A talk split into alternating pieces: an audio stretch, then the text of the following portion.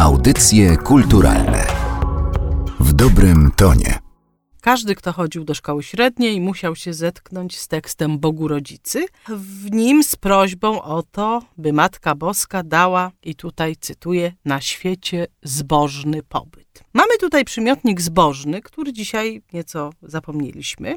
Współcześnie występuje on chyba jedynie w wyrażeniach typu zbożny cel, zbożna misja, zbożne dzieło, a więc y, ten zbożny oznacza coś, co wypływa ze szlachetnych y, pobudek. Zbożny cel to taki właśnie szlachetny cel. W pieśni, o której mowa, to znaczy w Bogu Rodzicy, zbożny znaczył tyle, co szczęśliwy. Człowiek modlił się do Matki Boskiej o szczęśliwe życie, a na świecie zbożny pobyt, czyli szczęśliwe życie. W słowie zbożny zapisany jest wyraz Bóg, jednak występował on tutaj w innym znaczeniu niż obecnie. Dawniej bowiem Bóg, a właściwie jego prasłowiański przodek, oznaczał szczęście, a później też tego, kto to szczęście daje i w ten sposób powstało współczesne znaczenie tej nazwy. Inaczej mówiąc, no, powstało słowo Bóg jako nazwa istoty najwyższej. I stąd, że Bóg oznaczał kiedyś, że wyraz Bóg oznaczał kiedyś szczęście, mamy nie tylko wspomniany przed chwilą przymiotnik zbożny, lecz także na przykład wyraz bogaty.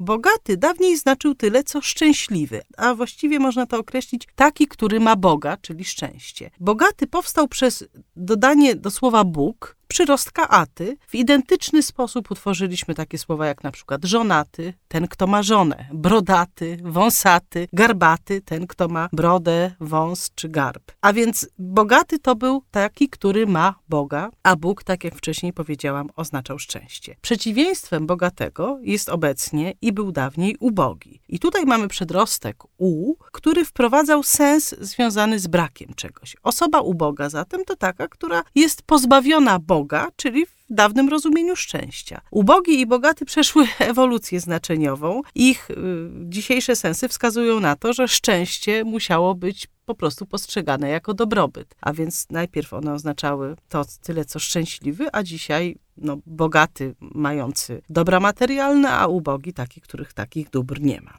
Natomiast przy swym pierwotnym znaczeniu pozostał przymiotnik, który był kiedyś synonimem ubogiego, to znaczy takie słowo niebogi. Ten bardzo już dzisiaj przestarzały wyraz, już prawie się nie da usłyszeć takich zwrotów, na przykład o ja nie Boga, znaczył po prostu nieszczęśliwy, czyli był tym samym, czym na samym początku był ubogi. Jak już mówiłam, były to synonimy i to w dodatku utworzone w niemal identyczny sposób przez zaprzeczenie przymiotnika odnoszącego się do Boga. Bardzo bliski związek z niebogim ma też, i co jest ciekawe i może zaskakujące, nieboszczyk.